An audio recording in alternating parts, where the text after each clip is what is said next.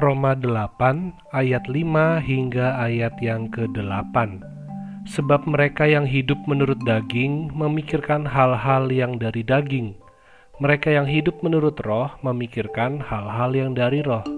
Karena keinginan daging adalah maut Tetapi keinginan roh adalah hidup dan damai sejahtera. Sebab keinginan daging adalah perseteruan terhadap Allah Karena ia tidak takluk kepada hukum Allah Hal ini memang tidak mungkin baginya. Mereka yang hidup dalam daging tidak mungkin berkenan kepada Allah. Secara umum, pasal 8 ini memberikan gambaran tentang kehidupan manusia di dalam anugerah Allah. Kita manusia yang telah menerima pembenaran karena iman kepada Kristus, kita memasuki kehidupan yang baru. Kehidupan yang sekarang ini dipimpin oleh Roh Kudus seturut dengan kebenaran firman Tuhan.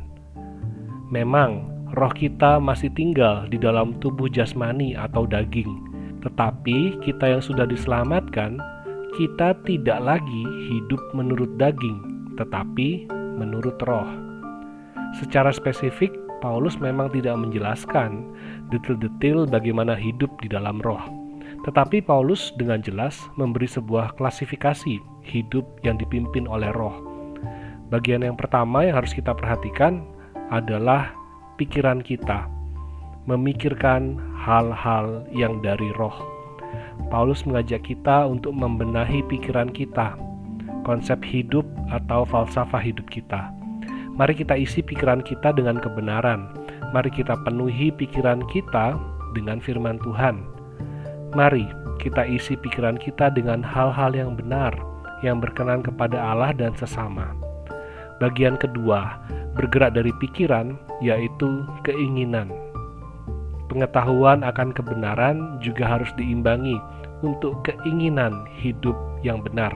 Setelah menerima pemahaman yang tepat, mari kita juga memiliki arah hidup yang tepat. Dengan jelas, Paulus menuliskan keinginan roh adalah hidup dan damai sejahtera. Mari kita terus menginginkan kehidupan mari kita terus memelihara kehidupan, menjaga kehidupan ini. Karena kita sudah memiliki hidup yang kekal, dan di dalam hidup yang terbatas ini pun kita harus menjaga dan menghargai kehidupan ini dan saling menjaga kehidupan bersama dengan orang-orang di sekitar kita. Dan kehidupan di dalam roh bukan kehidupan yang biasa, tetapi kehidupan dengan damai sejahtera Damai sejahtera ini tidak bisa dipelajari, tetapi muncul dari kehidupan yang benar. Damai sejahtera tidak didapat dari apa yang nampak luar, tetapi timbul dari dalam hati yang telah diperdamaikan dengan Allah. Oleh sebab itu, mari kita senantiasa mencari perkenanan Allah. Kita memikirkan apa yang baik untuk kita di hadapan Allah. Hidup dipimpin oleh Roh Kudus adalah hidup yang senantiasa dekat dengan Allah, Bahkan dapat dikatakan kita bergaul dengan Allah setiap hari bersama dengan firman-Nya.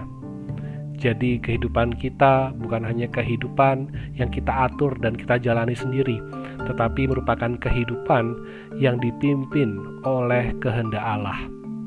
Kita adalah satu di dalam keluarga Allah. Kita adalah milik Allah.